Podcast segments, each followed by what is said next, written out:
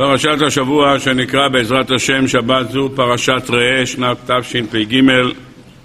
נקדיש את השיעור לרפואת הרב רפאל שלמה בן שמחה רבי ישי בן מרים רפואה שלמה בתור שאר חולי ישראל. פרשת השבוע שנקרא בעזרת השם שבת זו פרשת ראה שנת תשפ"ג היא השבת השלישית מתוך שיבא דנחמטה. השבת, גם שבת מברכים חודש אלול, הבא עלינו לטובה. בשבוע הבא, בזמן הזה, נהיה בראש חודש אלול. מתחילים להתכונן לימים הנוראים, אבל הייתי רוצה לפתוח בנקודה אחת, בהפטרת פרשת השבוע.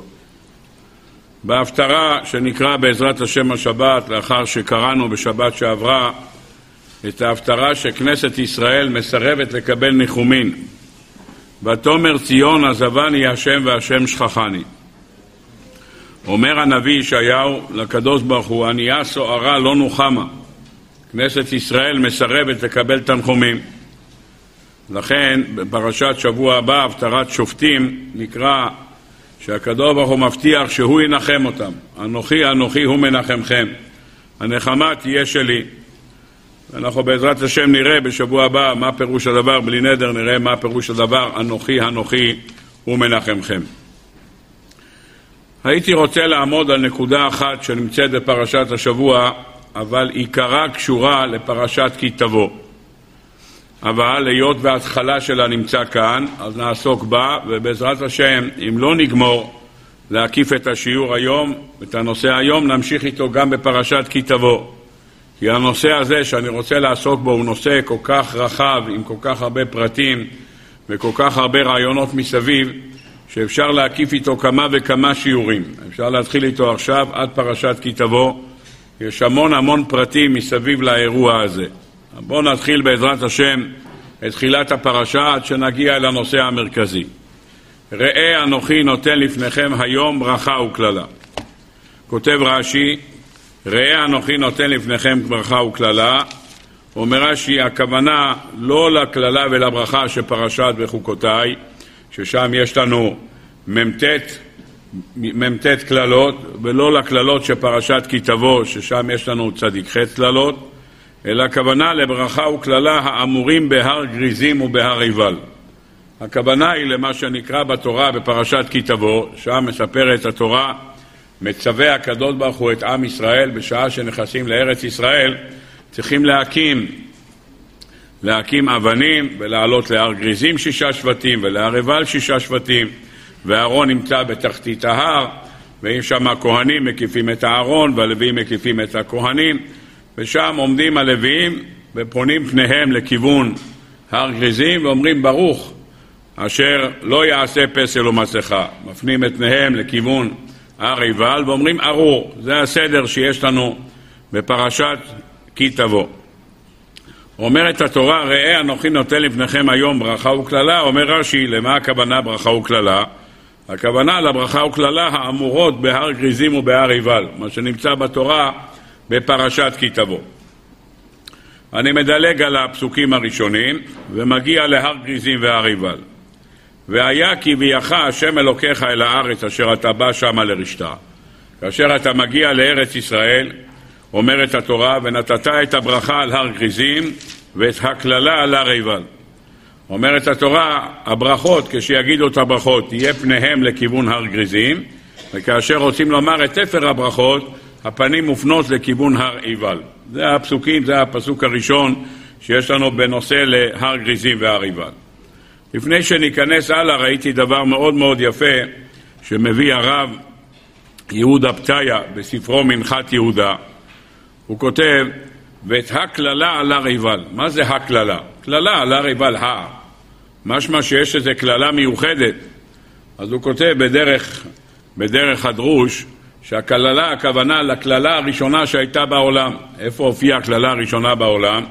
הופיעה אצל אדם הראשון. חז"ל הקדושים אומרים שכל אחד מארבעת המשתתפים בחטא, כל אחד מהם לקה בקללה.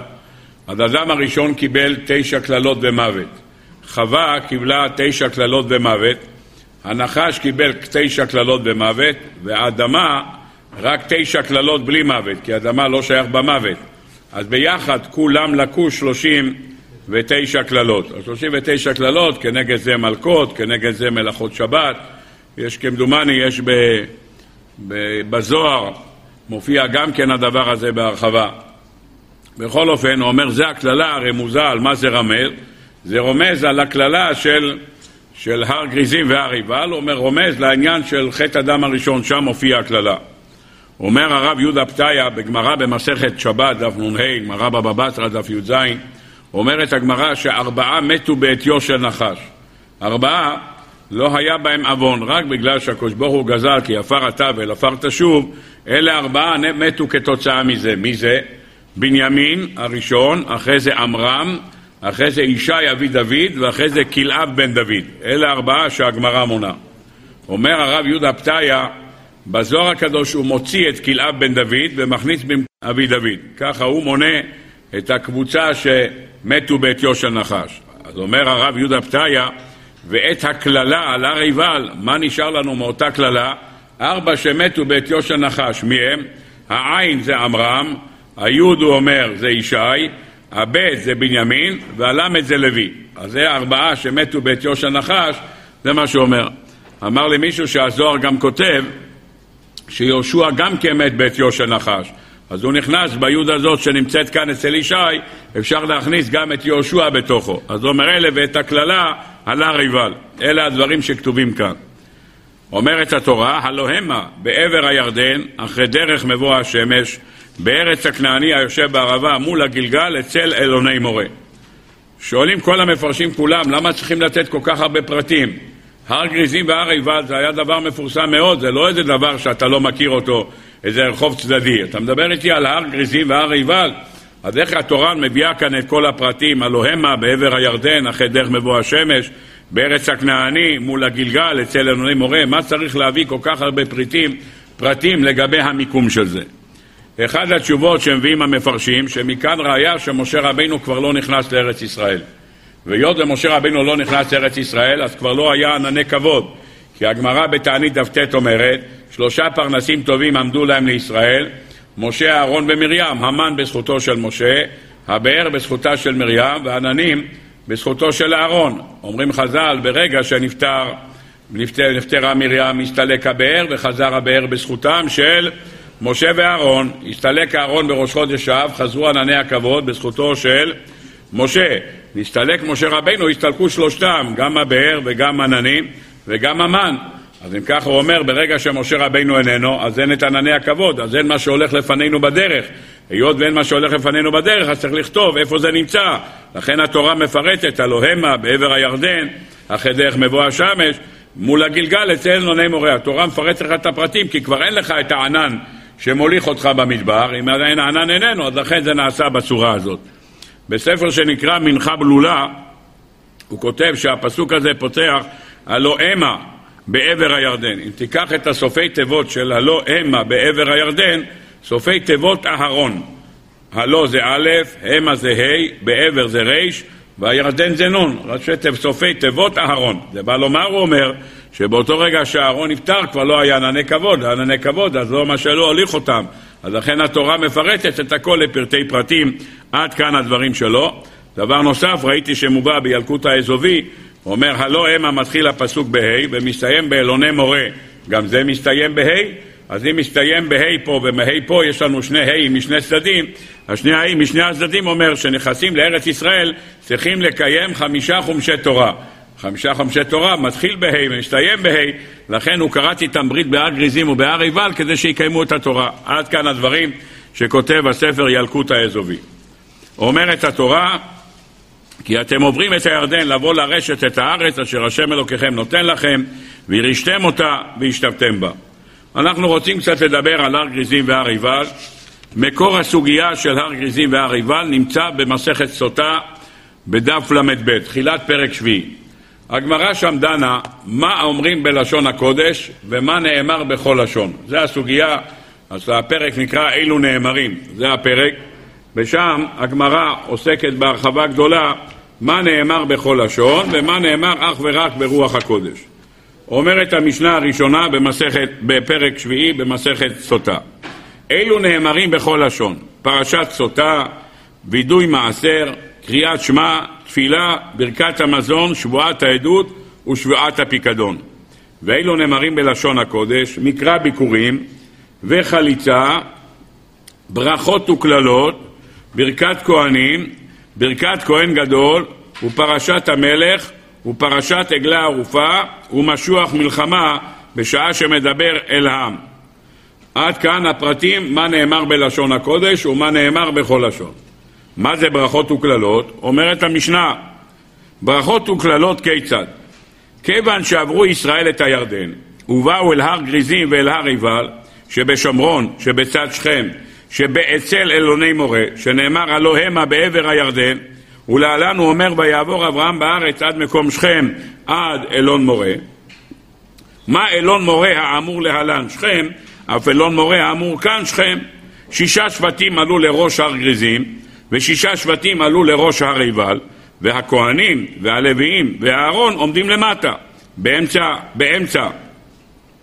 הכהנים מקיפים את האהרון, הלוויים מקיפים את הכהנים, וכל ישראל מכאן וכאן, כד אחד שישה בהר גריזים ושישה בהר עיבל, שנאמר וכל ישראל וזקניו ושוטריו ושופטיו עומדים מזה ומזה לארון. הפכו פניהם כלפי הר גריזים ופתחו בברכה, ברוך האיש אשר לא יעשה פסל ומסכה, ואלו ואלו עונים אמן. הפכו פניהם כלפי הר עיבל ופתחו בקללה, ארור האיש אשר יעשה פסל ומסכה, ואלו ואלו עונים אמן. עד שגומרים ברכות וקללות. זה הר גריזים והר עיבל, הפרשה שלנו, שאנחנו בעזרת השם רוצים לבאר אותה היום בסייעתא דשמיא. המשנה כותבת את הפסוק וכל ישראל וזקניו ושוטריו. כל הסוגיה הזאת של מעמד הר גריזים והר עיבל מופיע בספר יהושע בפרק, בפרק ח'. עיקר הסוגיה לא מופיע כאן, עיקר הסוגיה מופיעה בספר יהושע, שם נערך המעמד הזה, יהושע היה בראש המעמד, הוא חילק את, ה, את, ה, את הר גריזים והר עיבל, הוא, הוא היה ראש המנהיג של עם ישראל אחרי משה רבינו, והכל נמצא בספר יהושע בפרק ח', שם זה נמצא. בפסוק שמופיע בספר יהושע כתוב, וכל ישראל וזקניו ושוטרים ושובטיו. בדרך כלל, בכל מקום כתוב ושוטריו, אשר ידעת כי הם זקני העם ושוטריו, כך אומרת התורה. פה פתאום מופיע ושוטרים. ראיתי בילקוט מעם לועל שהוא אומר למה כתוב ושוטרים ולא ושוטריו. הוא אומר כי כאן השוטרים עוד לא באו לפעולה. שופטים ושוטרים תיתן לך בכל שעריך, אשר השם אלוקיך. אז קודם כל צריך להיות לך בכל, בכל עריך איפה שאתה גר, כאן עדיין לא גרו. עברו את הירדן, ומיד יש שם שוטרים שמינו אותם, אבל הם עדיין לא באו על פעולה. לכן לא כתוב ושוטריו, אלא רק ושוטרים. כך הוא מבאר את העניין בסייעתא דשמיא. למדנו מכאן שאת ההר גריזים והר עיבל, שישה שבטים בצד אחד ושישה בצד השני. הארון נמצא למטה, הכוהנים מקיפים את הארון והלוויים מקיפים אותם, וכמובן שהם מברכים, או להבדיל מקללים, הם מסתכלים להר גריזים בשעת הברכה ולהר עיבל בשעת הקללה. זה הטקס שנעשה שם, ומשמיעים לעם ישראל 11 ארורים. הארורים נמצאים בפרשת כי תבוא, ארור אשר יעשה פסל ומסכה, כל הארורים מופיעים שם בהרחבה גדולה. למה נבחרו הארורים האלה? למה דווקא 11 ולא 12? יש שם 12 שבטים. כל אלה שאלות שכל דבר ודבר צריך לדון בו בהרחבה גדולה. לפני שאני נכנס לעסוק בנושא הזה, אני רוצה לעמוד על כמה נקודות. שוב, מה שלא נשלים היום, בלי נדר נשלים בפרשת כי תבוא. אבל קודם כל בואו נלמד את היסודות. בספר שיג ושיח בנביאים, הוא עומד על דבר מאוד מאוד מעניין ומאוד מרתק. הוא ליקט את כל המקומות שכתובים השבטים בתורה. יש המון מקומות שהשבטים כתובים. אחד בלידתם בפרשת ויצא, אחרי זה פרשת וישלח, ואחרי זה מופיע ב- בירידה למצרים פרשת ויגש, ואחרי זה בברכת יעקב לבניו, ואחרי זה באלה שמות בני ישראל הבאים מצרים, את יעקב איש וביתו באו, ואחרי זה בדגלים, ואחרי זה במסעות, בכל מקום, במרגלים, בכל מקום מופיע שמות של שבטים. יש סדר. בני לאה קודם, בני רחל אחר כך, לפי המסעות, לפי סדר הדגלים, איך שהם נעו, לכל דבר יש סדר.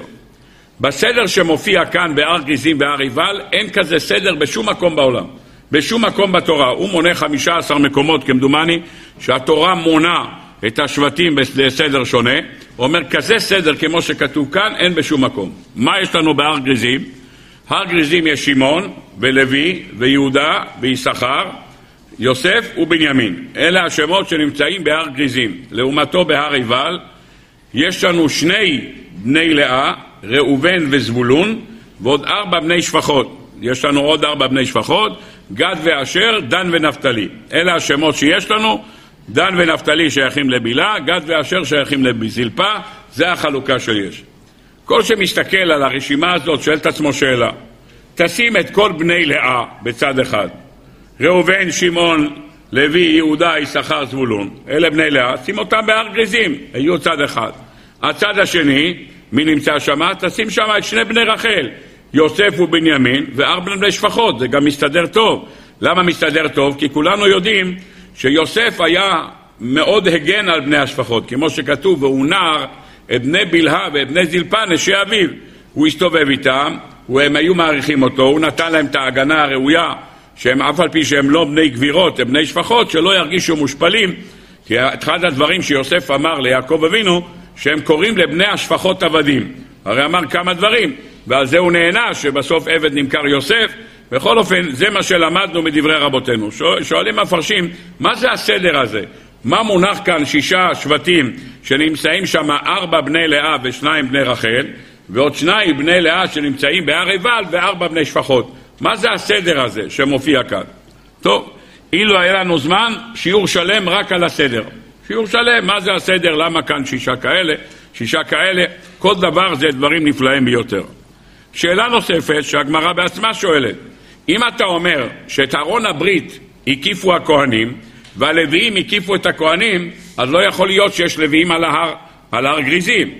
ממה נפשך אומרת התורה, מי היה על הר גריזים? שמעון ולוי ויהודה ויששכר ויוסף ובנימין. אז תחליט, לוי למעלה או לוי למטה. מצד אחד אומר שעל הר גריזים נמצא שבט לוי, ולמטה אתה אומר שאת הארון הקיפו, היה ארון הברית, והקיפו אותו כהנים ו... ולוויים. אז לוויים למטה או לוויים למעלה? אז חז"ל הקדושים יש שתי תירוצים, לא ניכנס, זה לא כל כך משנה לנו לנושא, רק דבר אחד. יש אומרים שהמשרתים היו למטה ומי שלא שירת היה למעלה, דהיינו בני 30 עד 50 היו למטה ומי שלא שירת היה למעלה. ויש כאלה אומרים בדיוק להפך. מי, שהיה כבר זקן ויצא מכלל העבודה, הוא היה למטה, ואלה שעבדו היו למעלה. בכל אופן, לא, לא השאירו את ההר בני שבט לוי. בהר הגריזים היה שבט לוי. מי היה מסביב לארון? מחלוקת עם אלה שעדיין משרתים, או לאלה שכבר לא משרתים. זה המחלוקת שמופיעה בגמרא במסכת סוטה. לפני שניכנס הלאה, אני רוצה לעמוד על יסוד נפלא. בספר שנקרא תפארת ציון, הוא עומד על דבר מעניין, שוב, הוא מסתמך על מדרשי חז"ל, וכמו שכתוב אצל יעקב אבינו, אני לא מסתמך על דברים אחרים. יש לי פסוק, אמרו לו, איך אתה אומר שיעקב אבינו לא מת? אומרת הגמרא, ורחנתו חנתיה וקברנו קברניה, מה הוא אומר? מקרא אני דורש, אני יש לי פסוק, אני עומד עם פסוק, לא יודע להגיד לך משהו אחר. פסוקים יש לי, יפה מאוד. הרב תפארת ציון כותב בספר שלו שהר גריזים יותר גבוה מהר עיבל. כך הוא כותב. אם אתם תסתכלו בספרי ארץ ישראל של היום, שם כתוב שהר עיבל יותר גבוה מהר גריזים. כמדומני שהוא 940 מטר והשני 880 מטר, זה חלוקה שישנה בין זה לזה. אני אומר פשוט, זה אתה מסתמך על, ה... על תוצאות המפות של היום. אבל על פי התפארת ציון, ויש לו ראייה ממדרשים, הדבר המרכזי שנוגע אלינו, על פי שיטתו, הר גריזים הוא יותר גבוה מהר עיבל. מה הוא רוצה להוכיח מזה? מה המקור שלו? הוא מביא מדרש אחד, אני רוצה להביא לו סימוכין מעוד שתי מדרשים. הוא מביא מדרש אחד. נקרא את המדרש בפנים, מופיע בבראשית רבה, פרשה ל"ב, פרשת נוח, אות י'. והמים גברו מאוד מאוד על הארץ, ויחוסו כל הערים הגבוהים. רבי יונתן עלה להתפלל בירושלים. רבי יונתן הלך להתפלל בירושלים, עבר בפלטונוס, פלטונוס זה כינוי של הר גריזים, וראהו שומרוני אחד. השומרונים היו עושים עבודה, עד היום הזה יש איזה כת של שומרונים, גרה ביבנה, בחולון, הם שומרונים, יש להם שכונה שלמה, יש להם כל מיני מנהגים משונים. מישהו אמר לי שבתעודת שירות שלהם כתוב יהודי שומרוני, כך כתוב שם. בעניין הזה. טוב, בכל אופן, יש כת שנקראת שומרוני, ועבר פגש אותו שומרוני. אמר לו השומרוני לרבי יונתן, להיכן אתה הולך? לאיפה אתה הולך? אמר לו להתפלל בירושלים. אני עולה לירושלים כדי להתפלל. אמר לו, לא טוב לך להתפלל בהר הברוך הזה? למה צריך לעלות לירושלים? הר המוריה. יש לך פה, ההר הזה, הר... איך אומרים? הר ברכה, זה הר מבורך ההר הזה, לאיפה אתה הולך? ולא, למה לך ללכת לירושלים, מקום שמכוסה באשפה, מה צריך ללכת לשם? אמר לו, ולמה הוא ברוך? שואל אותו רבי יונתן, מה יש בהר הזה יותר מאשר בהר ההוא, מה? אמר לו, שלא הוצף במבול, במבול לא הציפו אותו מים, כך הוא אומר לו. הוא לא אומר לו כי בני הר גריזים, העם ישראל יתברך, אלא עמדו על הברכה בהר גריזים. לא זה מה שהוא אומר לו. אלא מה? מה הסיבה? הוא אומר סיבה אחת, והסיבה היא מה? שלא הוצף במבול. נתעלמה מעיני רבי יונתן לשעה. הוא לא בדיוק חשבן איך יכול להיות שההר הזה לא כיסו אותו, אבל אותה שעה נתעלמה ממנו לשעה. אמר לו חמרו, חמרו זה העגלון שלו, הנהג שלו, מה שנקרא, המחמר שלו.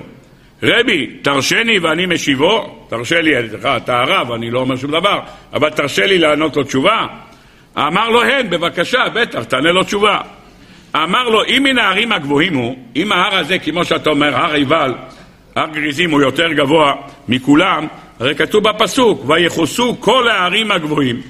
המים כיסו את כל הערים הגבוהים, אז גם זה בתוכו, אז מה, מה אתה עושה?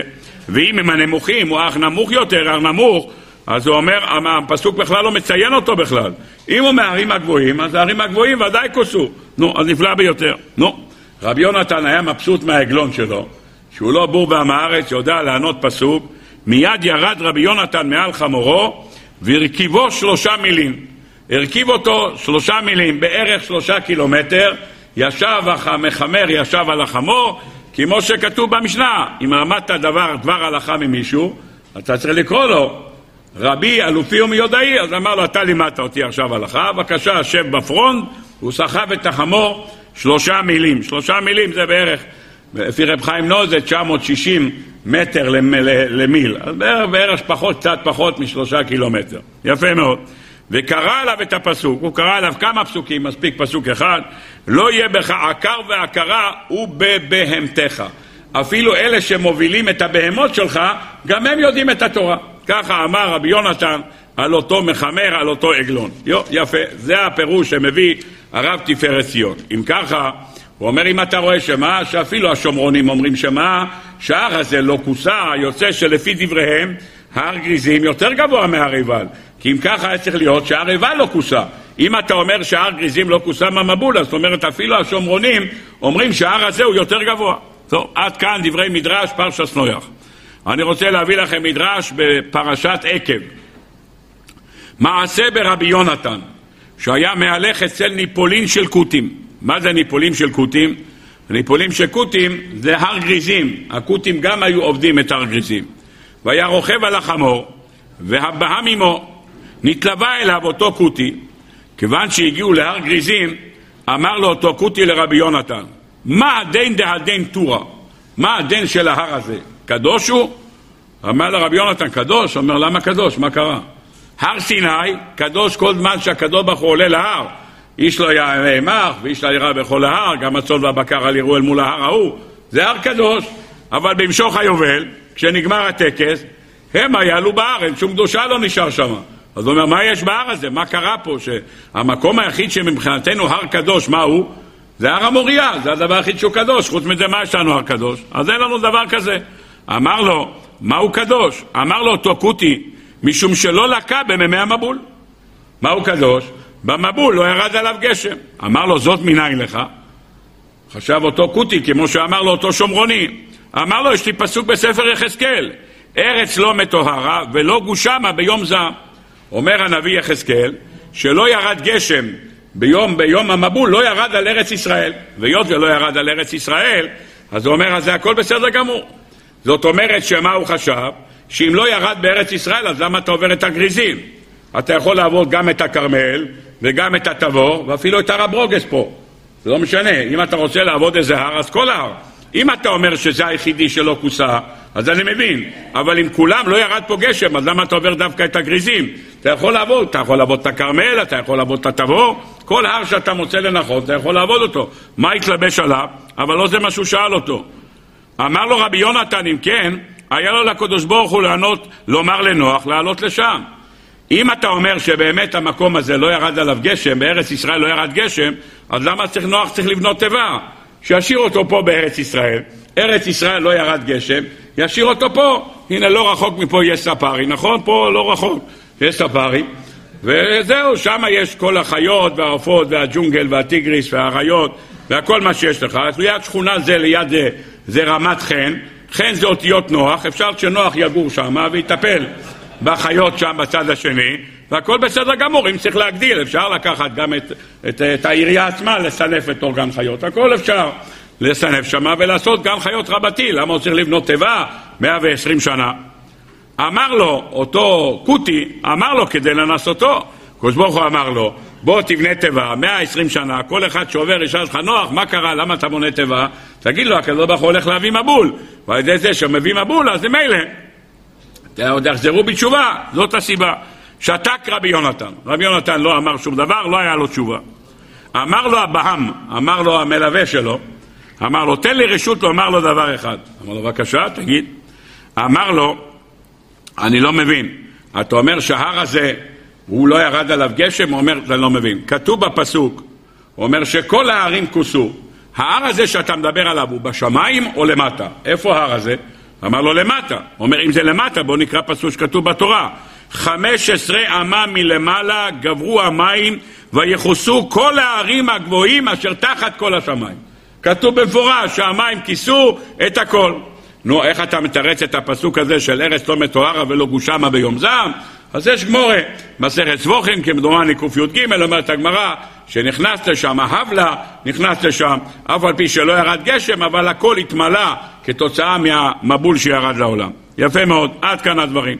כששמע רבי יונתן את התשובה של אבהם שלו, ירד מן החמור וירכבו ארבע מילים. הוא כבר קיבל סיבוב של ארבעה קילומטר, זה הקודם, בפעם הקודמת שלושה קילומטר, הוא כבר קיבל טיול משמעותי יותר. וקרא עליו את הפסוק וכל לשון תקום איתך למשפט תרשי ואמר לא יהיה הכרה והכרה בהמתך, הכוונה בהמתך בבהמיים שלך, אפילו החמרים שלך גם הם יודעים. הנה מדרש נוסף שכולם אוחזים שהר גריזים יותר גדול מהר עיבל. מקום נוסף בראשית רבה פרשה פ"א רבי שמואל ברבי יויסי הלך להתפלל בירושלים.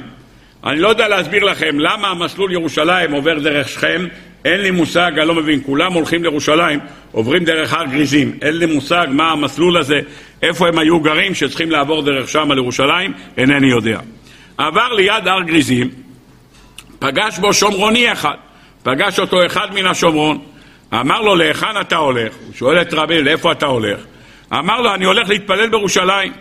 אמר לו, ולא טוב לך להתפלל פה ליד ההר המבורך הזה, ולא ללכת אצל האשפה? למה אתה לא הולך להתפלל, למה אתה לא מתפלל פה? למה צריך ללכת לירושלים, שהכל שם מכוסה אשפה, יהיה חרבות? למה אתה הולך למקום ההוא? אמר לו, אתה יודע למה אתה דומה? אמר רבי שמואל ברבי יוסי, אמר לשומרוני הזה, אתם דומים לכלב שלהוט אחר נבלה. כמו שכלב מחפש נבלה לאכול, ככה אתם להוטים שאנשים יעבדו את ההר הזה, את הר גריזים. ואמר לו, ואני אגיד לך למה. אתה יודע למה? בגלל שאתם יודעים שבהר הזה למטה טמון עבודה זרה. והיות וטמון עבודה זרה, לכן אתם רוצים למשוך שכולם יעבדו שם. איזה עבודה זרה? איך ששמע את זה השומרוני הזה, הוא אמר, אה, הוא יודע שיש שם עבודה זרה, הם חשבו לטמן את זה בסוד, שאף אחד לא ידע, והנה הוא יודע את העניין הזה. מיד הלך השומרוני ואמר לחברים שלו, תשמעו, הוא יודע איפה עבודה זרה, הוא יבוא בלילה, ייקח אותה וישבור אותה לחתיכות. הוא אומר, בואו, צריכים לעשות משהו. נתייעצו עליו להורגו. התייעצו שהם הולכים להרוג אותו, את אותו, את, את רבי שמואל ברבי יוסי. קם וברח בלילה. הוא שמע מזה שהם רוצים להרוג אותו, הוא נמלט מן המקום. איזה עבודה זרה. הסוגיה הזאת נמצאת במסכת חולין בדף ו'. אומרת הגמרא, ברגע שנגמרה מלחמת שכם, ושמעון ולוי הרגו כל תושבי שכם, והיה שם מלחמה ולקחו שם שלל, אומר יעקב אבינו, הסירו את אלוהי הנכר אשר בתוככם, ויטהרו והחליפו שמלותיכם. יעקב אבינו מצווה את כולם להיטהר ולהחליף את השמלות. אומרת התורה, ויתנו אל יעקב את כל אלוהי הנכר אשר בידם, ואת הנזמים אשר באוזניהם, ויטמון אותם יעקב תחת האלה אשר עם שכם. איפה הוא טבל? איפה הוא שם אותם? חז"ל, הוא שם את זה מתחת הר גריזים. שם הוא שם את זה. היות והוא שם את זה שם, שם את זה שם, לכן הם עבדו את העבודה הזרה הזאת. איך הייתה נראית העבודה הזרה הזאת? אומרת הגמרא חולין, אומר תוספות במקום, זה היה דמות של יונה. דמות של יונה, הייתה תמונה שמה, והדמות של היונה הזאת, הם עבדו את זה, השומרונים עברו את היונה הזאת. ראיתי פעם באחד המפרשים, אני לא זוכר איפה, פרשת נוח, ראיתי שהם עובדים את היונה בגלל סיבה פשוטה מאוד. כי אם אתה אומר שמה, לשיטתם לא ירד ההר הזה, לא ירד עליו מבול, איך נוח וידא שאין יותר מים, איך הוא וידא שאין יותר מים? הוא שלח את היונה. לכן הם עבדו את היונה הזאת, כך ראיתי פעם באחד המפרשים בפרשת נוח. טוב, עד כאן הדברים. בא הספר הזה, תפארת ציון, ואומר דבר נפלא. על פי מה שכתוב כאן בחז"ל במדרש, שהר גריזים יותר גבוה מהר עיבל, והר עיבל יותר נמוך. אם הר עיבל יותר נמוך, יש דבר שקוראים לו חוק כלים שלובים. מה זה חוק כלים שלובים? שהר גבוה אתה יכול להוריד ממנו לדבר נמוך. זה השתישה שאתה רוצה להעביר דבר, אתה לוקח משהו שהוא גבוה, מוריד אותו לדבר נמוך. אומר הספר תפארת ציון, לכן אמר הקדוש ברוך הוא לשישה שבטים לעבוד על הר גריזים ושישה שבטים לעבור על הר עיבל, כי אלה שנמצאים בהר גריזים, הם יש להם כוח להשפיע על אחרים. והיות ויש להם כוח להשפיע על אחרים, אז הוא אמר, אלה יעמדו למעלה וישפיעו על אלה שמטה שנמצאים בהר גריזים, ישפיע, בהר, בהר עיבל, הם ישפיעו עליהם. איזה כוח יש להם? מה הכוח השפעה שיש לאלה שנמצאים על הר גריזים? אומר התפארת ציון, הראשון שבהם הוא לוי. לוי, ממנו כהנים, ממנו לוויים, ממנו כל העבודה בבית המקדש, הכל נעשה איתם, לווים, זה השבט המובחר. חוץ מזה כולנו יודעים, יורו משפטיך ליעקב ותורתך לישראל. כל השפעת התורה באה משבט לוי, אחד. חוץ מזה, שמעון ולוי אחים, קנאים בנושא של עריות, היו שמעון ולוי, הם משפיעים לכולם השפעה גדולה על ידי זה שמה? על ידי זה שהם נותנים להם מההשפעה שיש להם לגדור את עצמם מהעריות, אז זה עוד השפעה. הבא בתור זה יהודה, יהודה הוא מלך, מלכות משפיעה על כל העולם כולו, אז זה הכוח של ההשפעה שלהם. מה יש לנו עוד? יששכר. כל הסנהדרין יצאו מיששכר, כמו שכתוב בפסוק. ולכן מצאנו משבט יששכר יודע בינה לעיתים, ואת שבט יששכר שהיה מתמידים בתורה, כמו שכתוב יששכר חמור גרם רובד בין המשפטיים, אז השפעה של התורה, גם היא משפיעה. יוצא, אומר הספר, תפארת ציון, שארבע בני לאה הם משפיעים. יוסף, כידוע לכולם, הוא היה מלך במצרים, הוא השפיע לכולם אוכל. חוץ מזה שהמזל של יוסף הוא שור, כמו שנאמר, בכור שורו, הדר לו. כל הבשלת התבואה מגיעה מכוח השור, כמו שנאמר פסוק במשלי, ורוב תבואות בכוח שור. מתי, מתי התבואה מתבשלת? התבואה מתבשלת בחודש אייר שמזלו שור, והכל בא מכוחו של יוסף הצדיק, שנקרא בשם שור. אז יוסף משפיע על העולם שפע של פרנסה, זו מידת היסוד כידוע לכולם, שמשפיעה פרנסה. בנימין, ממנו יצאו שתי בתי מקדשות, גם מקדש ראשון וגם מקדש שני, ושתי המקדשות הביאו שפע לכל העולם כולו. אומר הספר תפארת ציון, אלה שעמדו על הר גריזים, אלה כולם בעלי השפעה לכל עם ישראל. עד כאן דבריו הנפלאים של התפארת ציון על החלק הזה. מה יש לנו בצד השני? בצד השני יש לנו שני בני לאה, מי זה? ראובן וזבולון. ראובן מסמל את התשובה. למה הוא מסמל את התשובה? אומר הקדוש ברוך הוא לראובן, אתה פתחת בתשובה תחילה, היות ופתחת בתשובה תחילה, תחילה, מה אני נותן לך? נותן לך בן שיאמר את ההפטרה שנקרא בעזרת השם בעוד חמישה שבועות, תשובה ישראל עד השם אלוקיך, שבת תשובה, הושע אמר אותו. איפה ראובן פתח בתשובה תחילה? מה התשובה? ראובן, הרי ידוע לכולם, לא אמרו לו שהוא לא בסדר. אדם הראשון עשה תשובה, קין עשה תשובה, היו הרבה שעשו תשובה, אבל אדם הראשון עשה תשובה לאחר שהקדוש ברוך הוא שואל אותו, המן העץ אשר ציוויתיך לבלתי יכול אכלת? אכלת מהעץ הזה? אז הוא עשה תשובה. קין לא עשה תשובה מיוזמתו, אלא מה? כל דמי אחיך צועקים אליי מן האדמה. היות ואמרו לקדוש ברוך הוא אמר לו כל דמי אחיך צועקים מהאדמה, אז הוא הלך ועשה תשובה. התשובה שלו לא הייתה מיוזמתו, מאיפה באה התשובה? נזפו בו. הקדוש ברוך הוא נזף בקין, הקדוש ברוך הוא נזף באדם הראשון, אחרי שקין עשה תשובה, שאל אותו אדם הראשון, איך עשית, איך יצאת מזה?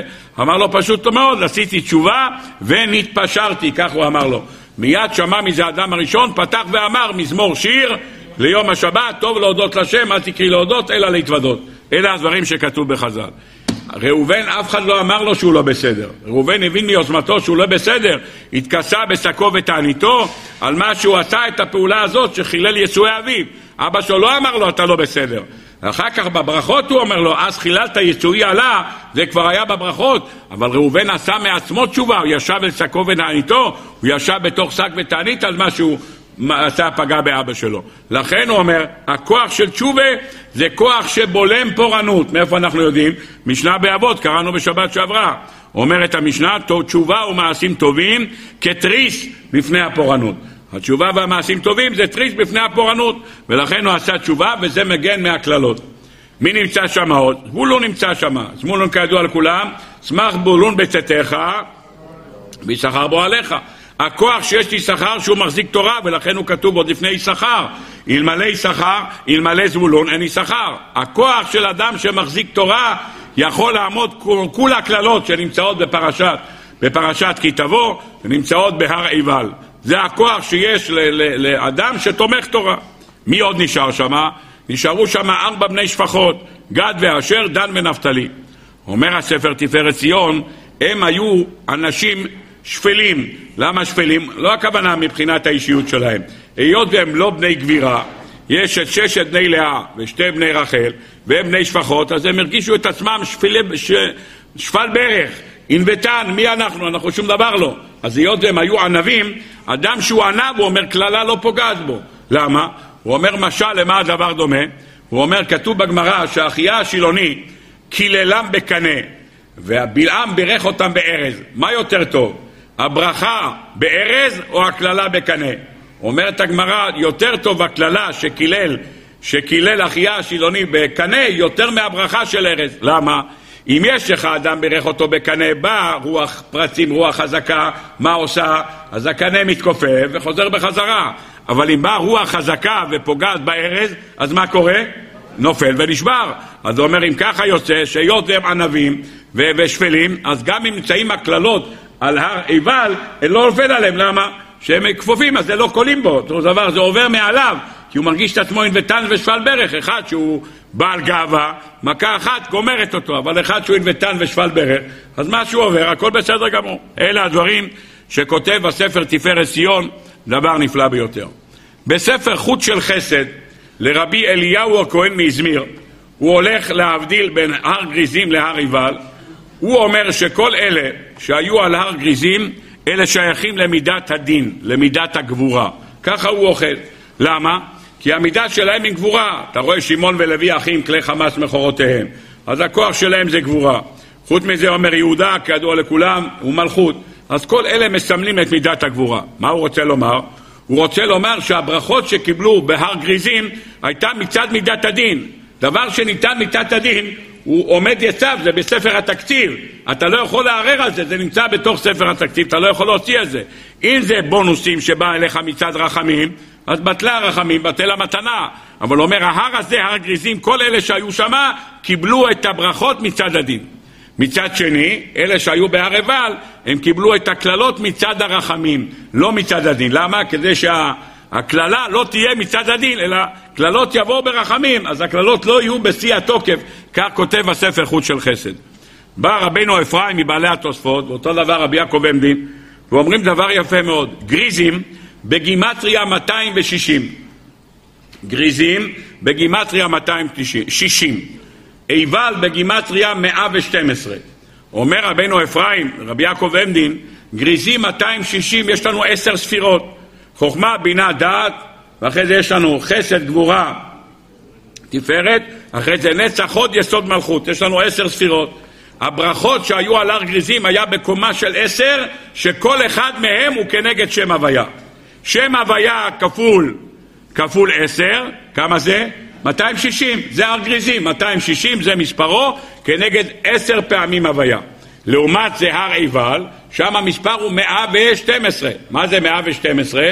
אומר 112 זה שילוב של אלוקים, שמספרו 86, והוויה מספרו 26, 86 ועוד 26, כמה זה ביחד?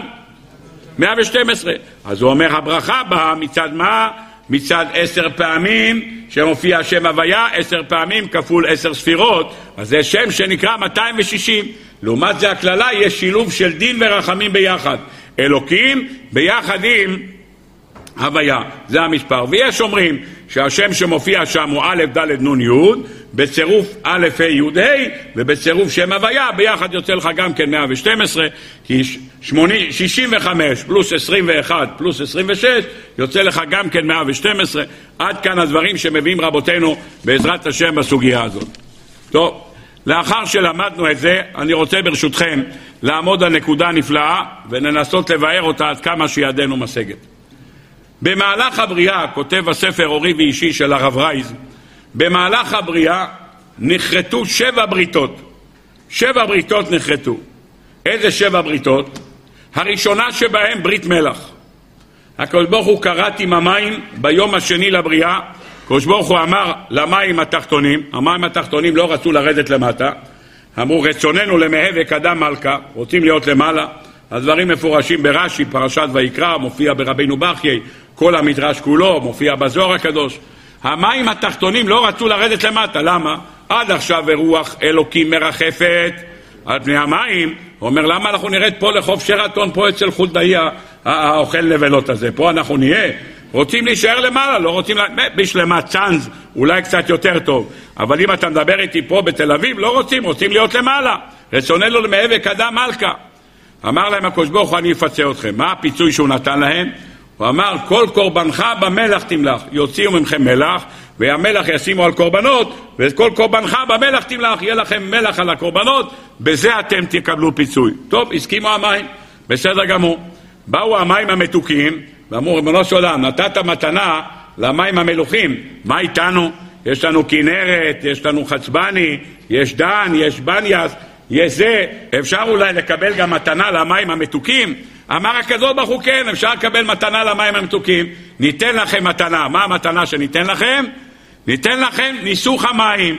ניסוך המים, כל חג הסוכות, בעזרת השם, בעוד 60 יום, כולנו נרקוד בשמחת בית השואבה, בעזרת השם, וזה ניסוך המים. יפה מאוד, עד כאן הדברים שיש לנו בעניין של ברית מלח. מה הברית הבאה?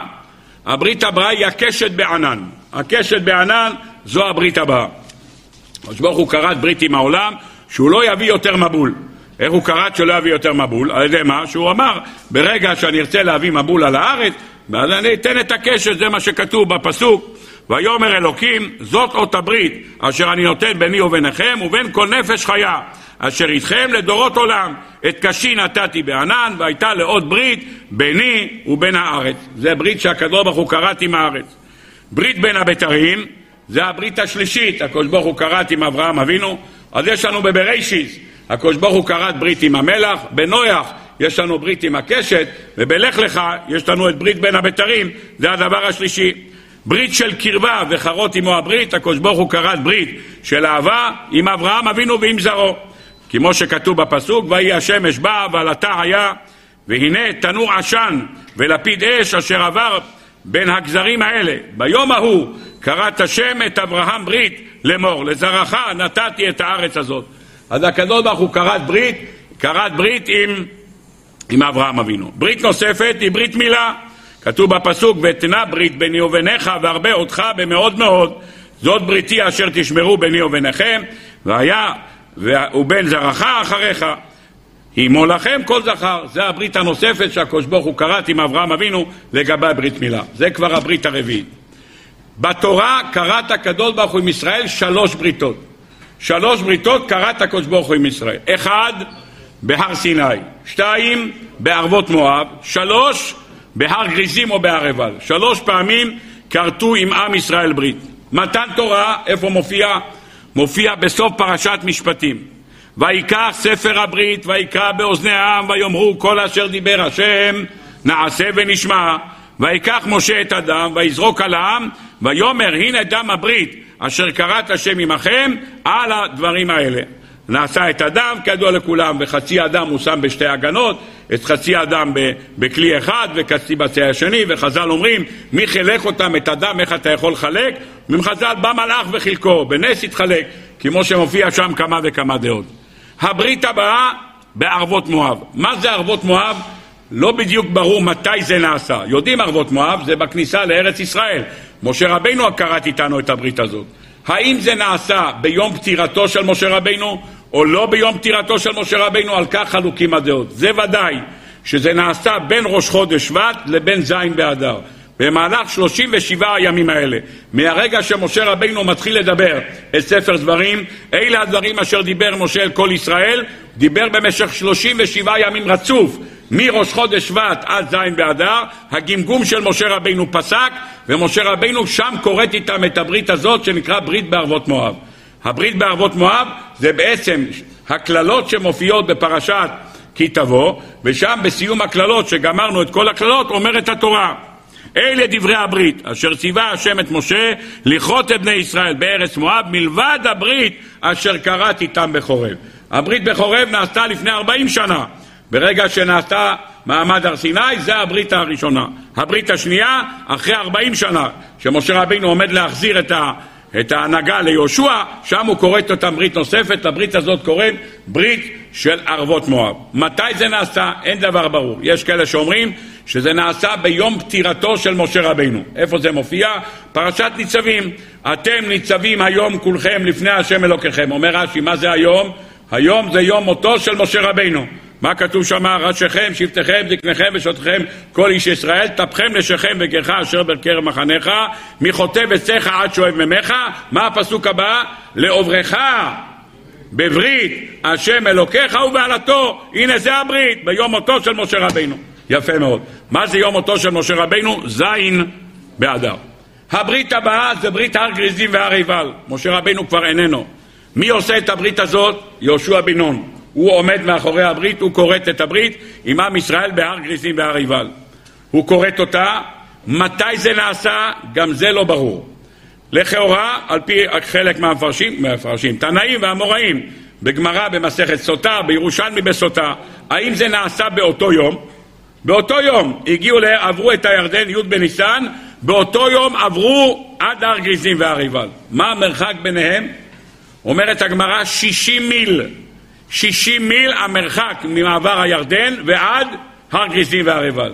אם מיל זה 960 מטר, פירוש דבר שזה 60 קילומטר.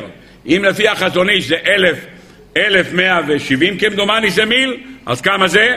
70 קילומטר. רבותיי, אתם כולכם פה נראים לי אתלטים ברוך השם, ואתם עושים הרבה ג'וגינג ברוך השם בסייעתא דשמיא, שהקדוש ברוך הוא ייתן לכולם בריאות איתנה, ובעזרת השם, כולכם הולכים כמה קילומטר ביום. כמה קילומטר הולכים בשעה בבקשה?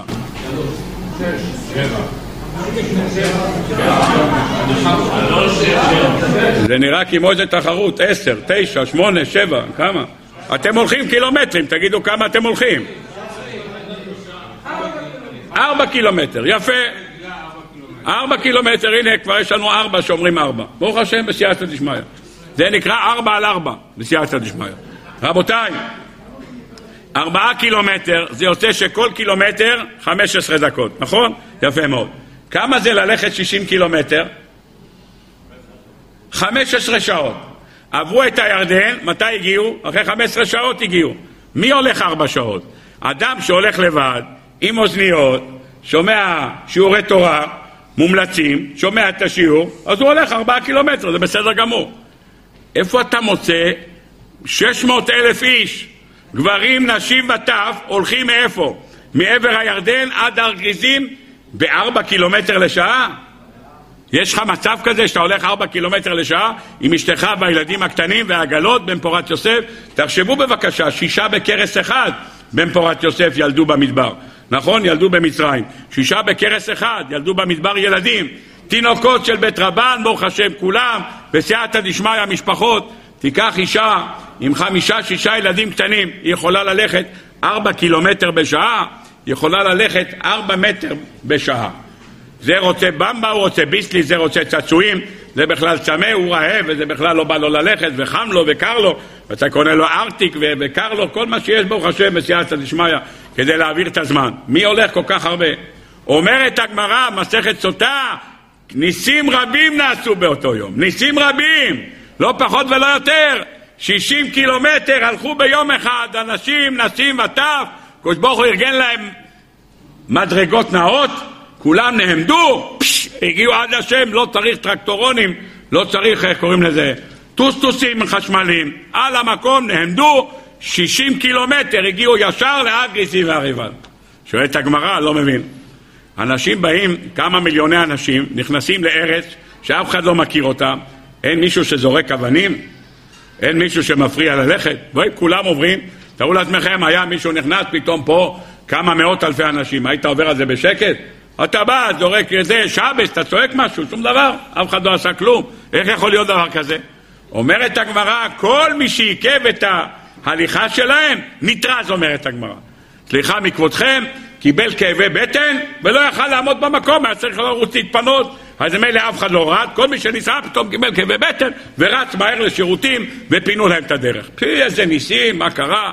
צריכים ללכת 60 קילומטר ביום אחד, 70 קילומטר ביום אחד, מקבלים כאבי בטן, ואם זה יהיה בעוד שבועיים, מה הלחץ הגדול? מה? לא! ביום שתעברו את הירדן אתם חייבים ללכת נהר גזים להר עיבל. טוב עשה יהושע, לא טוב עשה יהושע שעשה את זה ביום אחד, הדבר הזה לא ברור. למה אני אומר לא ברור? כי הגמורה במסכת סנהדרין, בדף מ"ד והירושלמי, אומרים שהוא עשה את זה שלא כהוגן. למה הוא עשה את זה שלא כהוגן? מסיבה פשוטה מאוד. כי הוא היה צריך לעבור את הירדן ולעשות שתי גבשושיות של חול, לקרוא להר אחד הר גריזים ולהר השני הר עיבל, ושם לעשות את הקללות והברכות, לא לחכות עד שאתה תגיע לרוץ, מה פתאום, שתי גבשושיות, אומר הירושלמי, אז שצריך לעשות, אחד בהר גריזים, לקרוא להר גריזים, אחד הר עיבל. טוב, רבותיי, למדנו מה שנקרא בקצרה, בסייעתא דשמיא, הנס הזה שנעשה בהר גריזים שישה שבטים פה, שישה שבטים פה, על פי מה שכתוב בגמרא, במסכת סוטה, זה נעשה באותו יום, והרבה ניסים נעשו. למה זה נעשה דווקא באותו יום? לא יודע אם נספיק להגיע לזה היום, אבל בכל אופן שנדע שזה מה שכתוב. אני רוצה להביא לכם דבר פלא, באמת דבר שהוא פלא פלאי פלאות. כתוב במחילתא, מחילתא פרשת משפטים, ואותו דבר מופיע גם בספרי, מופיע גם בספרי בפרשת השבוע, פרשת ראה. אומרים חז"ל, שלוש פעמים כתוב בתורה לא תבשל גדי בחלב אמו. איפה זה כתוב? פעם ראשונה זה כתוב איפה? אומרת הגמרא, בפרשת משפטים, שם נאמר לא תבשל גדי בחלב אמו. פעם שנייה כתוב לא תבשל גדי בחלב אמו, פרשת כי תישא, זה המקום השני שכתוב. פעם שלישית, פרשת השבוע שלנו, פרשת ראה, אומרת התורה לא תבשל גדי בחלב אמו. שואל המחילתא, שואל הספרי בפרשת השבוע, למה כתוב שלוש פעמים לא תבשל גדי בחלב אמו? אז הגמרא לומדת, אחד לאיסור אכילה, אחד לאיסור בישול, אחד לאיסור הנאה, לומדים מזה, לא סתם נכתב. אומרים חז"ל בספרי ובמחילתא, אתה יודע למה זה נאמר שלוש פעמים? כנגד שלוש בריתות שקראת הקדוש ברוך הוא ברית עם ישראל. מה הם שלוש המקומות שהוא כרת ברית עם ישראל? אחד, בהר סיני, שתיים בערבות מואב, ושלישי בהר גריזים או בהר עיבל. היות ובשלוש מקומות הוא כרת ברית עם ישראל, לכן כנגד שלושת המקומות האלה נכתב בתורה שלוש פעמים לא תבשל גדי בחלב אמו. אתה קורא את זה ואתה שואל את עצמך, מה הקשר? מה הקשר שיש בין שלוש פעמים לא תבשל גדי בחלב אמו ושלוש פעמים שקראת הקדוש ברוך הוא ברית עם ישראל? מה מונח כאן? אז בכמה וכמה מפרשים שם בספרי מנסים להסביר את העניין.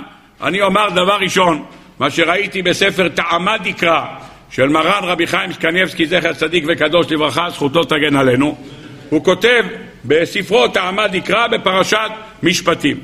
כתוב בחז"ל הקדושים שבא הקדוש ברוך הוא ליתן תורה לישראל, מרן, מסכת שבת, כולנו מכירים, מלאכי השרת ניסו לחסום אותו ולא לתת למשה רבינו לקבל את התורה. אדרבה, שאולי את הקדוש ברוך הוא, מה לילוד אישה בינינו, מה מחפש כאן, מה הקדוש ברוך הוא לקבל את התורה בה. אמרו לו, רבושו של עולם, תשאיר את התורה פה, חמודה גנוזה שגנוזה אצלך, תו תו קע"ד דורות לפני בריאת העולם, אתה עומד לתנא לבשר ודם, תשאיר את התורה פה, תנא אותך על השמיים, כך ביקשו המלאכים. כתוב בחז"ל במדרש, שבשעה שהמלאכים אמרו את זה, מה עשה הקדוש ברוך הוא? צר קלסתר פניו של משה רבינו בפרצופו של אברהם אבינו. הוא עשה למוישה רבינו פנים של אברהם אבינו. המלאכים באו לדבר עם מוישה רבינו, אמר הקדוש ברוך הוא, מה? בביתו אכלתם, אתם באמת אצלו בבית, לא? אתם הייתם אצלו בבית ואתם רוצים לעשות לו בלאגן? אצלו בבית התארחתם, איפה הקורס הטועים? מה עוד הוא אמר להם? בביתו התארחתם, ומה עשיתם? בבית שלו אכלתם בשר וחלב. אם הבית שלו שנאמר ויקח חמאה וחלב הוא בן הבקר אשר עשה, אז אכלתם אצלו בבית בשר וחלב. אם אכלתם אצלו בבית בשר וחלב, אומר הקדוש ברוך הוא, איך אתם יכולים לקבל תורה? אם כתבתי בתורה לא תבשל גדי בחלב אמו, והתורה נמצאת אצלכם כל הזמן, ואתם יודעים שאסור לאכול בשר וחלב. אם אתם יודעים שאסור לאכול בשר וחלב, איך אכלתם בבית שלו? ועם ישראל, אפילו ילדים קטנים, ילד קטן בא לאימא שלו, אומר, אמא, כבר עבר שש שעות מהרגע שאכלתי שניצל, אפשר לאכול כבר גלידה מגנזיום או לא?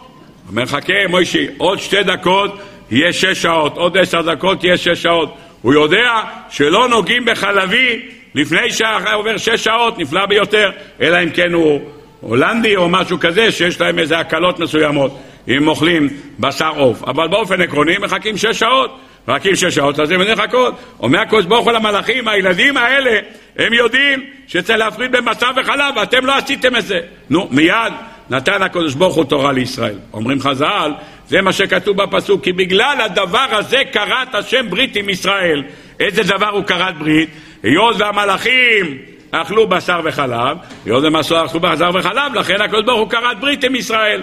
עד כאן הדברים שכתובים בספר טעמה דקרא. אומר אם ככה רבי חיים קנבסקי זצ"ל, בכל מקום שהתורה מדברת על ברית שהקדוש ברוך הוא כרת עם ישראל, מיד מכניס הקדוש ברוך הוא לא תבשל גדי בחלב אמו.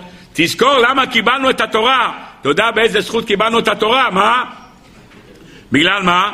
בגלל שהמלאכים אכלו בשר וחלב, ולכן אחת הסיבות שאנחנו אוכלים חלבי, אנחנו אוכלים בחג השבועות, אחד, בגלל שזה טעים, שניים, בגלל שכתוב לא תבשל גדי בחלב אמו. אז אחד המנהגים הוא, בגלל שהמלאכים אכלו בשר וחלב, ומשם, מהמקום הזה, זכינו אנחנו לקבל תורה. לכן נאמר בעניין הזה בסייעתא דשמיא, דבר נפלא. עד כאן דבריו הנפלאים של מרן טעמה דקרא, רבי חיים קנבסקי זצ"ל. בספר של תפארת ציון, של הרב ידלר, הוא כותב ביאור מאוד מאוד יפה. רבותיי, כנסת ישראל נחשבת לצאן. כנסת ישראל נקראת צאן, ואתם צאני צאן מרעיתי אדם אתם. מופיע שם נוהג כצאן יוסף. עם ישראל נקרא בשם צאן. יפה מאוד. איך נקראים הילדים? ילדים נקראים בשם גדיים. גדיים. מאיפה אנחנו יודעים נקראים בשם גדיים? יש מדרש. מה? יש לך במדרש שמופיע שאחז אמר, אם אין גדיים, אין תיישים. זה מפריע. אז עם ישראל נקרא בשם גדי. בשעה שהאמן ראה את הילדים, והילדים אמרו למרדכי כמה פסוקים, הוא שאל, מה אמרו לך לילדים שאתה צוחק? הם אמרו לי שאין להם מה לדאוג ממך. מה אמר המן? הדבר הראשון שאני עושה, אני אהרוג את הילדים האלה. כינסו 22 אלף ילדים, הופיע במדרש באסתר. כינסו 22 אלף ילדים, והיו מה שנקרא בכו והתפללו ואמרו תפילות והאימא שלהם הביאה להם אוכל, אומר המדרש, והם לא רצו לאכול. למה לא רצו לאכול? אמרו, אנחנו רוצים למות ברעב, לא רוצים למות מתוך אוכל. למה הם הציעו להם לאכול? לא בגלל שהם הולכים למות, מה זה משנה אם אתה אוכל או לא? אמר רבי יעקב גלינסקי, כמו שמצאנו אצל חנה ושבעת בניה במדרש, מה כתוב שמה? אומר המדרש שהיא העניקה את התינוק הקטן, העניקה אותו, שואל הרב גלינסקי, בשביל מה להעניק את התינוק? הוא בן כה הולך למות, בשביל מה להעניק אותו? כל לב להשם, שהילד ישקול עוד 100 גרם, עוד 200 גרם. באו אמהות אמרו, תמותו, תמותו, אבל תאכלו קודם. מה שנקרא, שיהיה תראו, תביאו קורבן לקדוש ברוך הוא, קורבן יותר שלם. כך אמרו. שאל הקדוש ברוך הוא, שהוא שמע את הקול הזה, מוישה רבנו, ניסה לבטל את הגזרה, שאל הקדוש ברוך הוא, מה כל הגדיים והתיישים שאני שומע מלמטה? אמר לו מוישה זה לא גדיים ותיישים, זה ילדים שצועקים הצילו. כך בראש דבר שילדים נקראים גדיים. אומר הספר בעזרת השם, יום הכיפורים האשכנזים שרים בכל תפילה הם שרים, אנו צונך ואתה רואינו, אנחנו הצאן שלך ואתה הרועה שלנו. עם ישראל נקרא בשם צאן של הקדוש ברוך הוא. הגדיים זה התינוקות. אומר הספר הזה, כתוב בחז"ל שהקדוש ברוך הוא בא ליתן תורה לישראל, שאל הקדוש ברוך הוא, מי נותן לי ערבות על התורה? מי נותן ערבות? מה, אמר, מה הם אמרו? אנחנו ניתן לך ערבות את האבות הקדושים, אברהם, יצחק ויעקב יחתמו ערבות. אמר הקדוש ברוך הוא לא לוקח מהם ערבות. אמרו לו למה? אמר אברהם אבינו אמר במעדה עיר השינה לא רוצים ממנו. יצחק אמר מה? ויאהב יצחק את עשיו כי ציל בפיו ונאמר בפסוק ואת עשיו שנאתי מי שאני שונא הוא אוהב לא רוצה ממנו ערבות יעקב אבינו מה אמר? נסתרה דרכי מהשם כך הוא אמר שבשעה שלקחו את יוסף וביקשו להביא את בנימין אמר נסתרה דרכי מהשם לא רוצה ממנו ערבות אמרו לו, אז מי נביא לך ערבות? אמרו לו, ריבונו שלם, נביא לך ערבות. ילדים שלנו, נביא לך ערבות. או, ילדים זה טוב מאוד. זה מה שנאמר בתהילים ח' מפי עוללים ויונקים ייסד את העוז ואין עוז אל התורה שנאמר השם עוז לעמו ייתן, השם יברך את עמו בשלום. פירוש דבר תורה נקראת בשם עוז. מפי עוללים ויונקים ייסד את העוז להשבית אויב ומתנקם. אם ככה בסייעתא דשמיא אומר הספר תפארת ציון דבר נפלא ביותר. אומר הקדוש ברוך הוא, קראתי אתכם ברית בהר, בהר סיני. קראת ברית והעברתי דם, קראתי אתכם ברית. בפרשה שמופיע, פרשת משפטים, נאמר לו תבשל די בחלב אמו. פרשת כי תישא זה כבר אחרי חטא העגל. אומר רבנו בחיי אחרי חטא העגל בטלה כל הברית שהקדוש ברוך הוא פרה איתנו בהר סיני התבטלה. אז היו צריכים עכשיו לעשות איתם ברית חדשה אחרי מעמד הר סיני. אם צריכים לעשות ברית חדשה, כי מעמד הר סיני הוא כרת איתנו ברית ועם ישראל עשה עגל והעגל ביטל את הברית, אז צריכים עכשיו לקרות ברית חדשה. לכן נאמר לא תבשל גדי בחלב אמו, כי על פי הדברים האלה כרת ברית עם ישראל. למה? כי זה כריתת ברית נוספת לאחר שעם ישראל ביטל את העגל. הברית הנוספת איפה מופיעה? בפרשת השבוע שלנו, הר גריזים והר עיבל, אומר הר גריזים והר עיבל זה הברית הנוספת שהוא קראת איתנו. שלוש פעמים איפה שמופיע בריתות, מופיע לא תבשל גדי בחלב אמו. מזהיר אותנו הקדוש ברוך הוא, רבותיי תיזהרו. גדי זה תינוקות. תיזהרו שאני לא אצטרך לקחת לכם את הילדים חס וחלילה. למה? לא תבשל גדי בחלב אמו, יצטרך לבשל את הילדים שלכם. למה? כי אתם לא שומרים על התורה.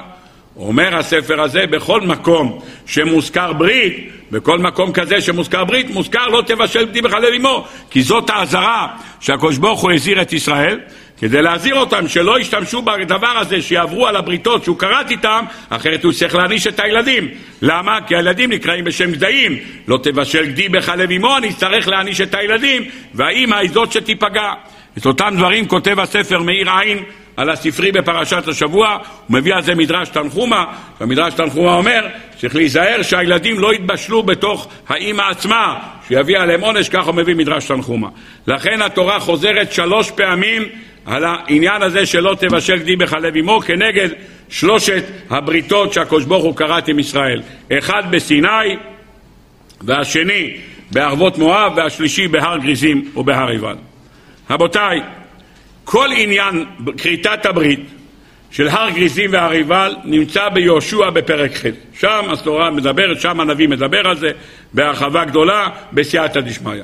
אני רק רוצה לעמוד על נקודה אחת או שניים, לא יותר מזה, כי אנחנו לא נוכל להקיף את העניין הזה. אני רוצה לעמוד על שאלה אחת ברשותכם. מה היה דחוף ללכת באותו יום של נעברו את הירדן, מיד להיכנס לארץ ישראל, להגיע להר גריזים והר עיבל. מה, מה דחוף? ואם היה מחכה עוד שבועיים עד שהולכים לאט לאט, לעשות ניסים, להפוך את סדר הטבע, הופכים את העולם כולו, 60 מייל ברגל אחת, נס, אז אנחנו לא יכול ללכת דבר כזה. גם מישהו אתלט, גם מישהו יכול לרוץ, לא יכול לרוץ 60 קילומטר ביום אחד להגיע לשם. אתה מדבר על עם שלם.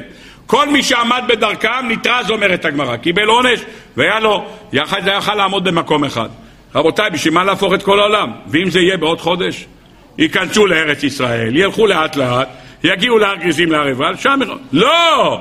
ביום אשר תעברו את הירדן מיד לרוץ מהר, על פי מה שכתוב בשיטה הזאת בגמרא, אמרנו שוב, בירושלמי יש דעות אחרות, באותו יום לרוץ עד הגריזים והריבל, ושם נקבל את התורה. מה, מה כל כך דחוף? מה הפניקה באותו יום לרוץ לשם? רבותיי, כמובן שיש הרבה תירוצים. אני רק רוצה אולי לעמוד על תירוץ אחד או שניים בסייעתא דשמיא, אבל כדי להראות על התירוץ הזה צריכים להקדים עוד שאלה אחת. השאלה הבאה שאני רוצה לשאול, מי ששם לב, יש לנו שלוש בריתות שהקדוש ברוך הוא כרת איתנו. הברית הראשונה שהקדוש ברוך הוא כרת איתנו הייתה בסיני.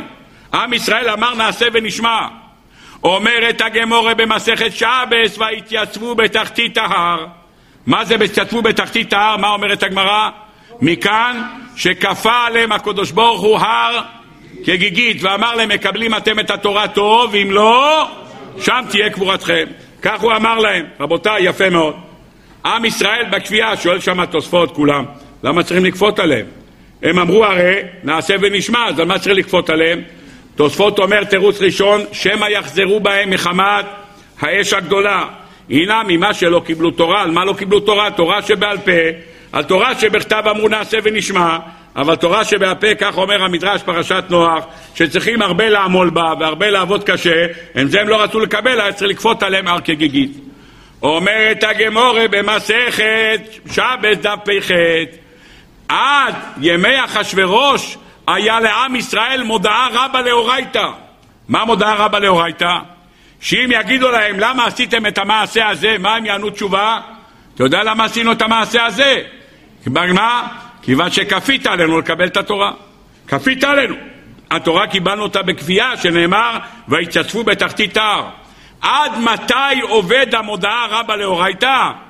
אומרת גמרא עד פורים. קיימו וקיבלו היהודים עליהם ועזרם, שם הם קיימו וקיבלו. מאיפה אתה יודע שהם קיימו וקיבלו? כי אתה רואה שהם אספו עוד מצוות. הם לא הסתפקו במצוות. בדרך כלל, אדם לא רוצה מצוות, הוא בורח כתינוק הבורח מבית הספר. מה הם אמרו? רוצים עוד מצוות. קריאת מגילה, מתנות לאביונים, יש לנו משלוח מנות, סעודת פורים, הוסיפו עוד ארבע מצוות. אם אתה רואה שקיימו וקיבלו היהודים עליהם ועזרם, הם קיבלו על עצמם עוד מצוות, סימן שמה? שקיבלו את התורה באהבה.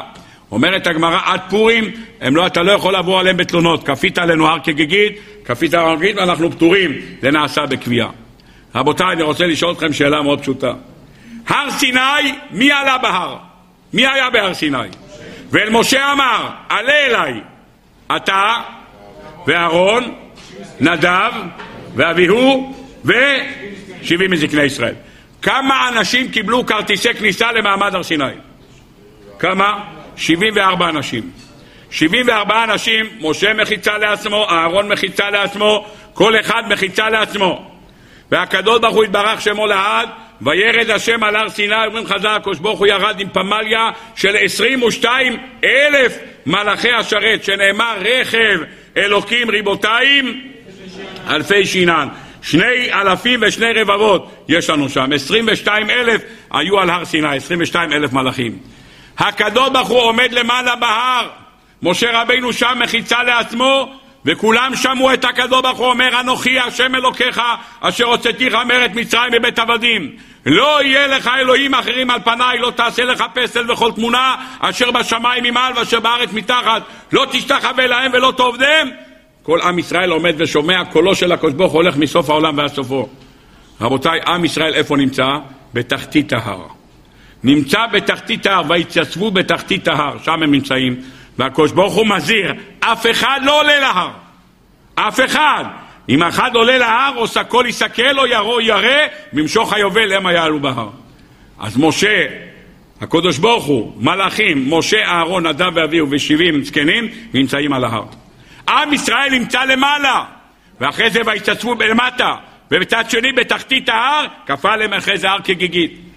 הסדר הנכון, הסדר הנכון, שואל הספר בר יוסף, האדם שנואם עומד גבוה, שם הוא עומד, נכון? והאנשים ששומעים אותו נמצאים נמוך, זה הסדר הנורמלי. אז הקדוש ברוך הוא על ההר, נגיד, לא הר זה לא, זה לא הר תבור, אבל בסדר, זה הר סיני, אבל הר, עם ישראל נמצא למטה, אתה מסתכל על ההר, אתה רואה את הקדוש ברוך הוא על ההר. במעמד הזה הקדוש ברוך הוא היה על ההר, ועם ישראל למטה. בברית ערבות מואב, משה ועם ישראל היו באותו מקום, לא היה שם הר. משה רבינו עלה על ארגז ודיבר. לא היה לו הר, ועם ישראל לא היה, ולא כהנים לבד ולוויים לבד, וכאן שבט אחד שנקרא שמעון ולוי, ויהודה ויששכר ויוסף ובנימין בצד אחד ואחרי זה זבולון וראובן בצד אחד ועוד ארבע שפחות שמה? לא! כולם ביחד עומדים כמו במעמד הר סיני ושומעים את משה רבינו מדבר באבות מואב. כאן משה רבינו לא עולה להר, אין שם הר בכלל. אין הר. למה? כי במדבר ברגע שהלכו עם הענן, הענן היה מיישר את הערים, אז אין שם הר. עומדים על הרצפה, משה רבינו גובה עשר אמות, חמש מטר, מסתום מכולם ראו אותו גם בלי ארגז. משה רבינו דיבר, על פי מה שכתוב, אלה דברי הברית, את כל ה-98 קללות, פלוס הברכות של פרשת כי תבוא, משה רבינו מדבר, אלה דברי הברית אשר קראת משה עם ישראל, מלבד הברית שקראת איתם בחורב. שמתם לב רבותיי? במים עד הר סיני הקדוש ברוך הוא מוישה ושבעים זקנים למעלה על ההר וכנסת ישראל למטה. בערבות מואב מה? כולם למטה, אין הר. מגריעים להר גריזים והר עיבל, מה עושים? השבטים נמצאים למעלה, והכוהנים והלוויים שמדברים מלמטה, איפה הם נמצאים? מלמטה. מה?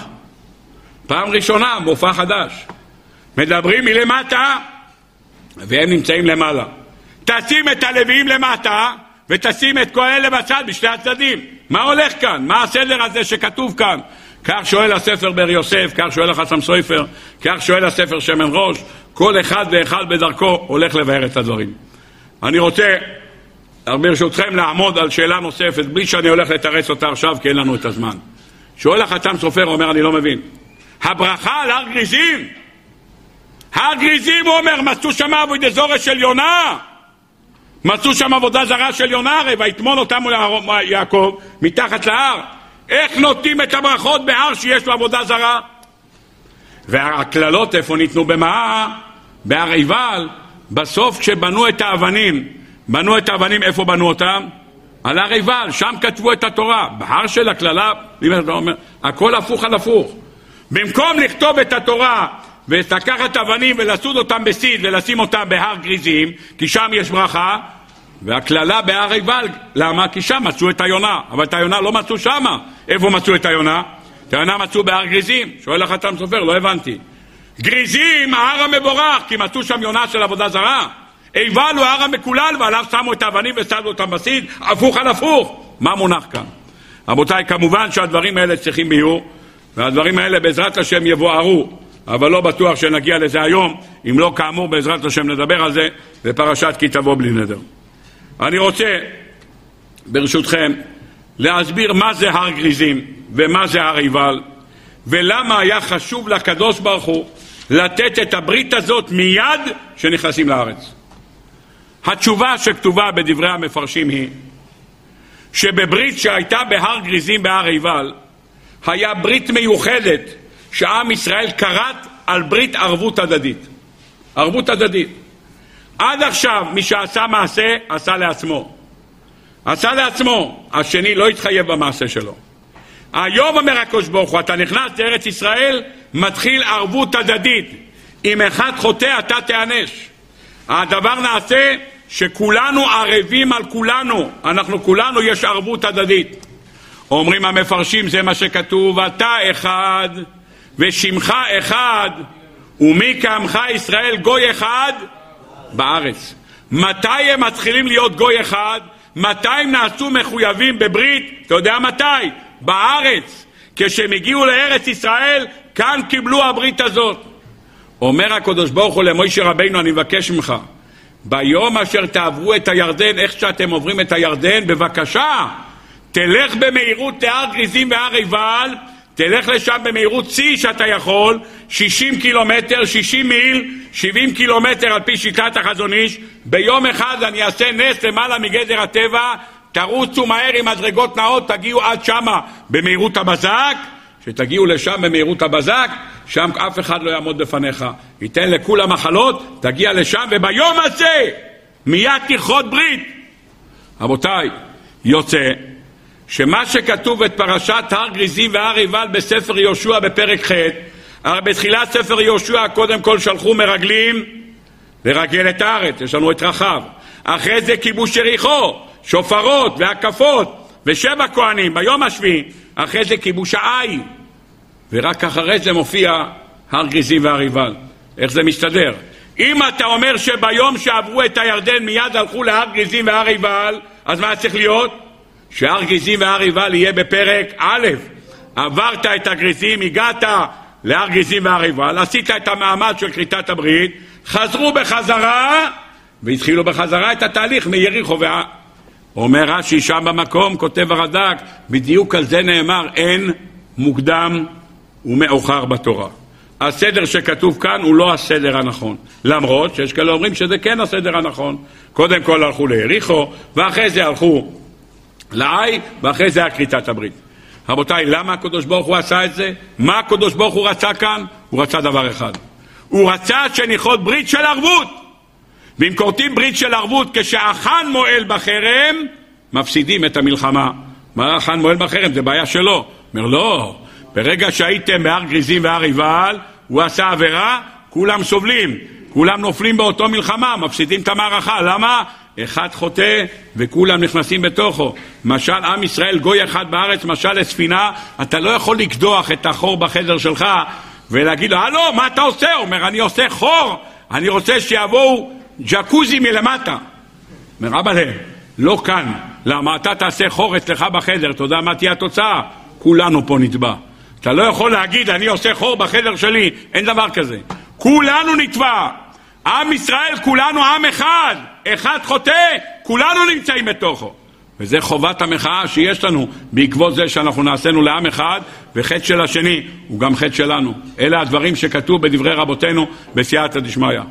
אחרי שלמדנו את היסוד הזה, והיסוד הזה צריך ביור והרבה הרחבה, אני רוצה רק ללכת לרעיון של השמן ראש.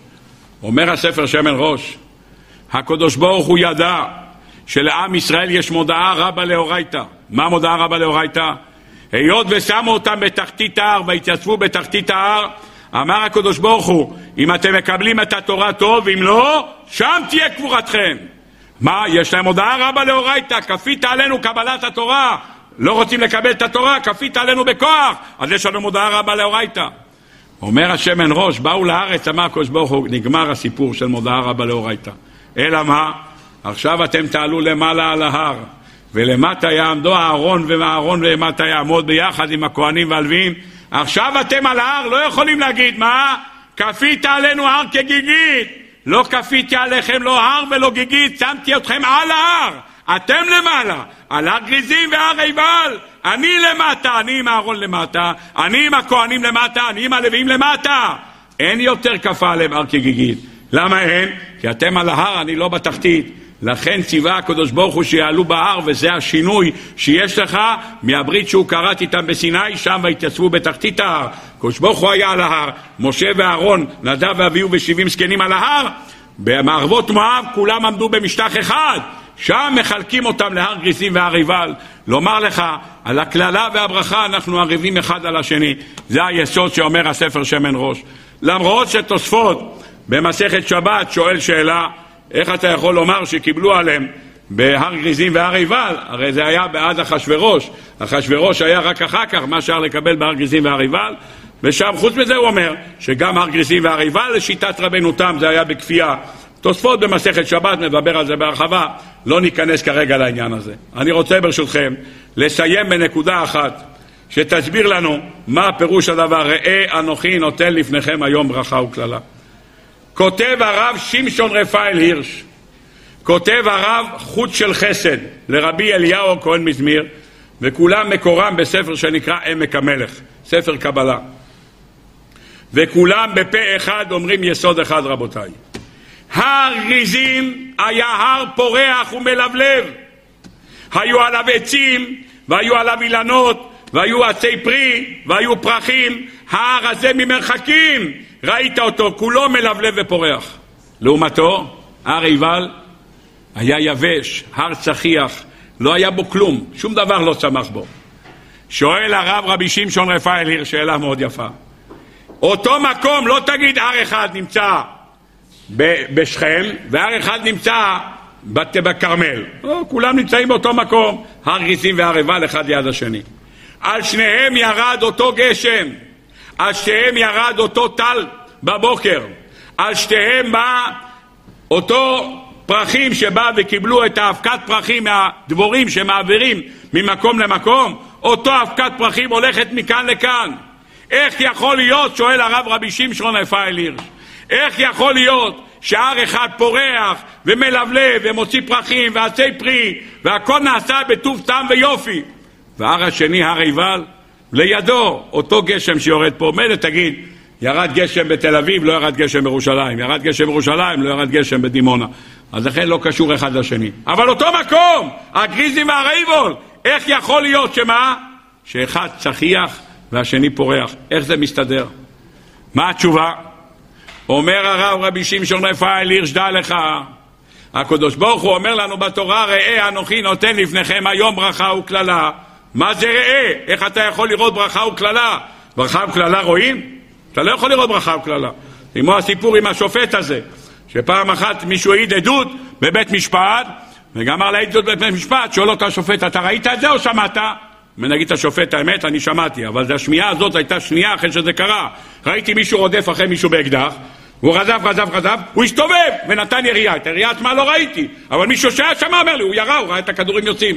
אומר לו השופט, לא שווה שום דבר, צריכים לראות. שמעת, לא שווה כלום. הוא ירד מהבמה, אומר השופט הזה מטומטם. לא, בלי הרפורמה, סתם הוא מטומטם. זה... טוב, אומר, אתה הוא מטומטם. אומר לו, אתה אמרת להם מטומטם? אומר, כן. זה שלוש שנות בכלא, ביזיון בית משפט. אומר לו, למה, מה קרה? אומר, כי אמרת שאני מטומטם. שואל אותו הבן אדם, שמעת או ראית? אומר, שמעתי. אומר, לשמוע זה כלום. צריכים לראות. זה אותו דבר. פירוש דבר, ראה אנוכי נותן לפניכם היום ברכה וקללה. ראית או שמעת? שמעת, ראה, ברכה וקללה לא רואים. אתה רואה את הכהנים עושים יברכך. אתה רואה תברכך? פעם אחת ראינו קולות. מתי? במעמד הר סיני, וכל העם רואים את הקולות. מה זה ראה? אנוכי נותן לבכם ברכה וקללה. איזה ברכה וקללה אתה רואה? רבותיי, מה התשובה? אומר רבי שמשון רפאל הירש, תסתכל בבקשה על הר גריזים ותראה אותו פורח ומלבלב. תראה אותו מוציא עצי פרי. אותו הר לידו יורד עליו גשם וטל ופרחים, מגיע אבקת פרחים, ולא צומח עליו אפילו לא כלניות. שום דבר, גרוניש מתניש. שום דבר לא צומח שם. נו, איך זה יכול להיות? כי ההר הזה הוא הר ברכה, וההר הזה הוא הר קללה, וכך זה נראה. עד כאן דבריו של הרב רבי שמשון רפאל הירש. אומר הספר חוץ של חסד, בוא ותראה שזה מה שכתוב בפרשה. אומרת התורה, והיה כי ביאך השם אלוקיך אל הארץ אשר אתה בא שמה לרשתה ונתת את הברכה על הר גריזים ואת הקללה על הר עיבל? אומרת התורה, אתה יודע מה זה הר גריזים והר עיבל? הלא אימה בעבר הירדן. נמצאים ליד הירדן, כל האדמה ספוגה במים רטובים. אחרי דרך מבואה השמש, יש שם גם שמש. אם יש שם שמש, השמש הזאת מביאה מה? מביאה אור. האור מצמיח את הפרחים. איפה זה נמצא? מול הגלגל אצל אלוני מורה. אומר הרב, חוץ של חסד, רבי יאו כהן מזמיר, אצל אלוני מורה, שם היה הרבה עצים, כתוב שאברהם אבינו היה באלוני מורה. מה זה אלוני מורה? כתוב בחז"ל, כל האזור הזה היה מלא עלונים, ובעלונים האלה, הוא ישב תחת העלון, הכל היה מלא עצים, ואברהם אבינו היוצא שם להתבודד, זה היה הדאצ'ה של אברהם אבינו באלוני מורה. אומר הספר חוץ של חסד, אומרת התורה, איך יכול להיות? נמצא באלוני מורה, מול הגלגל, יש שמש, בעבר הירדן, הכל בתנאים הכי טובים לצמוח. אז איך יכול להיות שלא צמח? כי זה הר ברכה וזה הר קללה. בהר ברכה הכל פורח וצומח. למה? כי הוא בעבר הירדן ויש לו שמש והכל נחמד. בהר השני הוא הר של קללה.